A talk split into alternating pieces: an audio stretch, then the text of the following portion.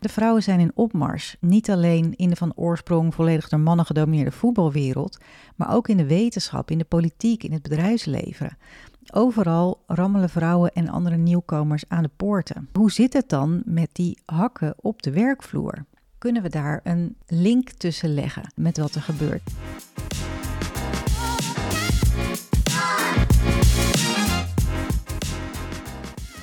Welkom bij de podcast Wat trek je aan? De personal branding podcast waarin ik, stelstratege Sascha Bertus, je elke week een spiegel voorhoud. Je kunt de titel van deze podcast heel letterlijk nemen, want kleding is de strategische tool waar ik heel graag mee werk, maar er is meer. In deze podcast neem ik je mee in de geheimen van een succesvolle uitstraling. Ben je klaar om aan te trekken wat je verdient? Dan gaan we nu beginnen.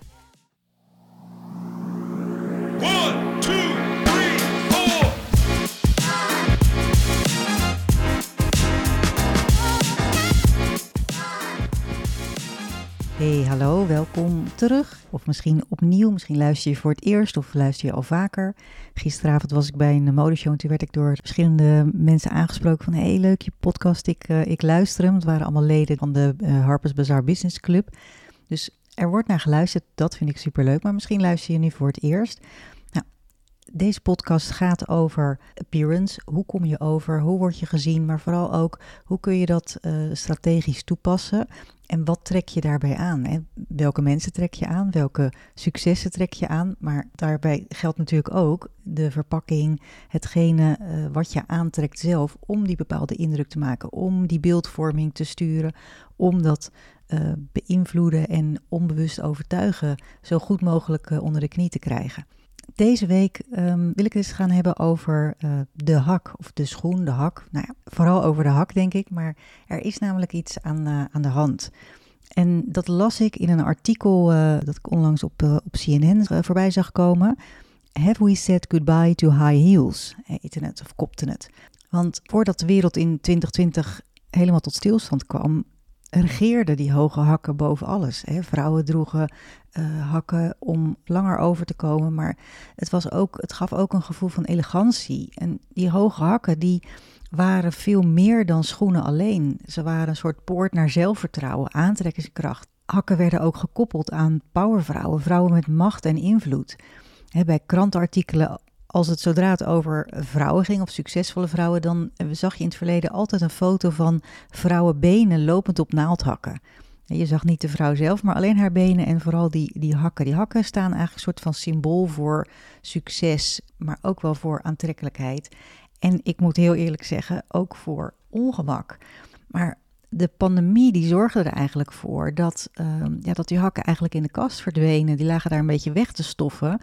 Eh, we droegen allemaal comfortabele schoenen, sloffen, eh, eh, eh, crocs, whatever. Maar in ieder geval, het kon allemaal, want niemand zag ze. Maar ook na de pandemie zie je nu dat er minder hakken worden gedragen. Is er nu sprake van een blijvende trend? En waar komt dat dan vandaan?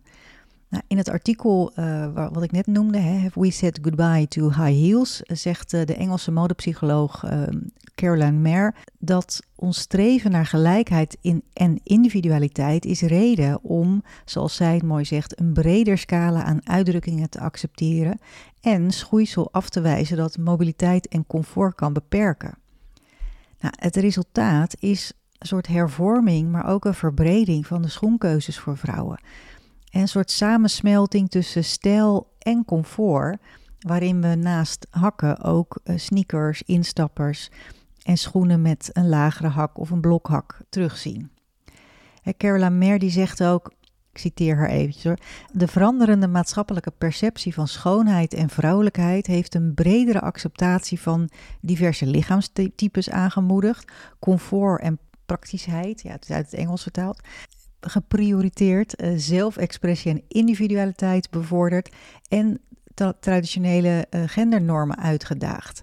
Er zijn heel veel eh, mooie woorden die ze gebruikt, maar dat is natuurlijk nu wel wat er, wat er ook aan de hand is. En deze week zag ik ook een LinkedIn-post met een opmerking over het afbrokkelende patriarchaat als duiding van het in verval zijn van de masculine macho-cultuur. Zullen we die er ook maar even bij halen? Als symbool staat daar natuurlijk voor die ongewenste kus van de voorzitter van de Spaanse voetbalbond, uh, Rubiales. De auteur van die LinkedIn-post, uh, impact-expert Mildred Hofkes, die zegt dat ze dat overal ziet gebeuren. De vrouwen zijn in opmars. Niet alleen in de van oorsprong volledig door mannen gedomineerde voetbalwereld, maar ook in de wetenschap, in de politiek, in het bedrijfsleven. Overal rammelen vrouwen en andere nieuwkomers aan de poorten.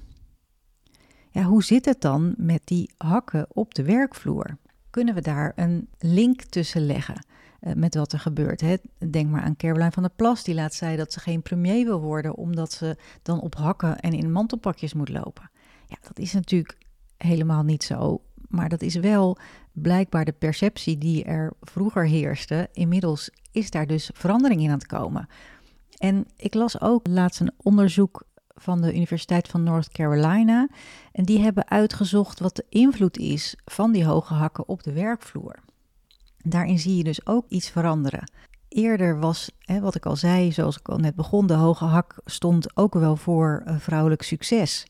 hoe, bijna hoe hoger de hakken, hoe, hoe succesvoller. Ik heb ooit um, iemand geïnterviewd en die gaf ook aan uh, dat uh, in de medische wereld het verschil tussen een verpleegster en een vrouwelijke arts gemaakt werd door het verschil in schoenen. De verpleegster die loopt op hè, hele comfortabele Birkenstocks of Crocs of uh, in ieder geval lage instappers.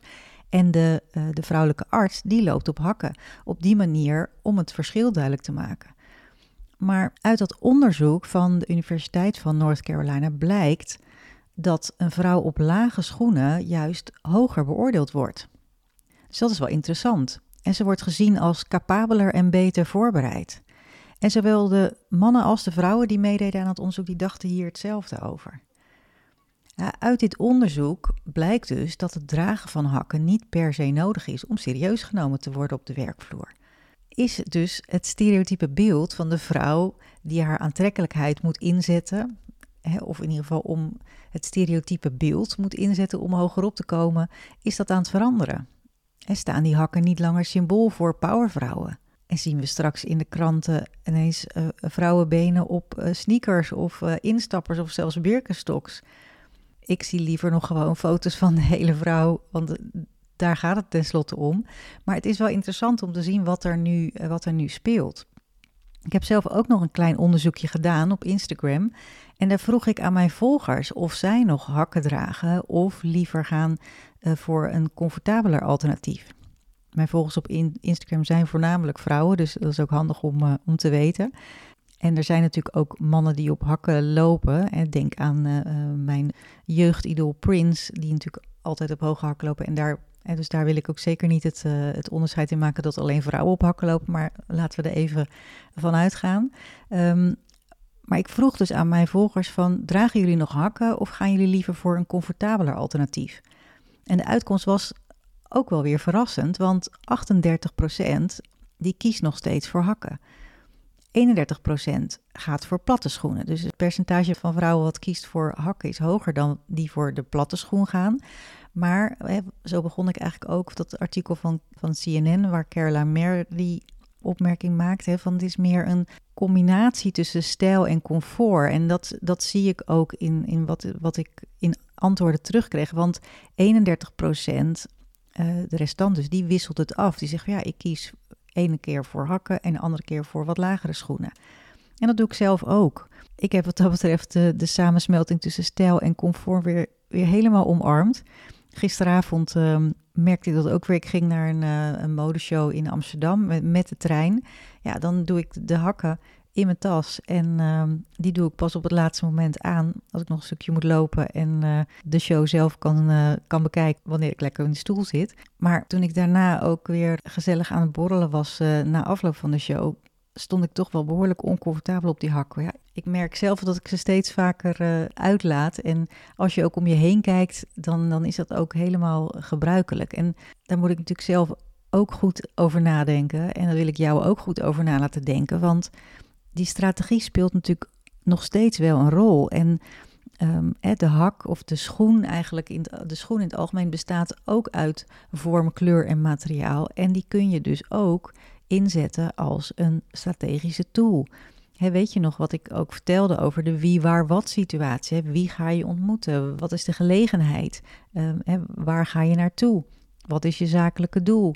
Dat zijn wel vragen die je daarbij kan stellen. En dan is een schoen wel een hele mooie, fijne strategische tool om daarbij in te zetten. Waarmee je net eventjes uh, die switch kan maken. Niet alleen in de beeldvorming, maar ook in je hoofd.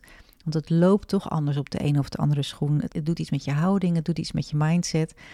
Nou, dat is eventjes waar ik je nu deze week mee uh, achter wil laten. Denk daar eens over na. En volgende week ga ik je meer vertellen over hoe je de schoen strategisch inzet. Of misschien wel gebruikt als visuele handtekening. Denk even aan Hugo de Jonge, heb ik al eerder wat over gezegd. Ehm, is dat positief of is dat negatief? Werkt het in je voordeel, werkt het in je nadeel? Volgende week ga ik daar uh, verder over vertellen. Dus ik hoop dat je dan weer luistert. Tot volgende week. Hoi.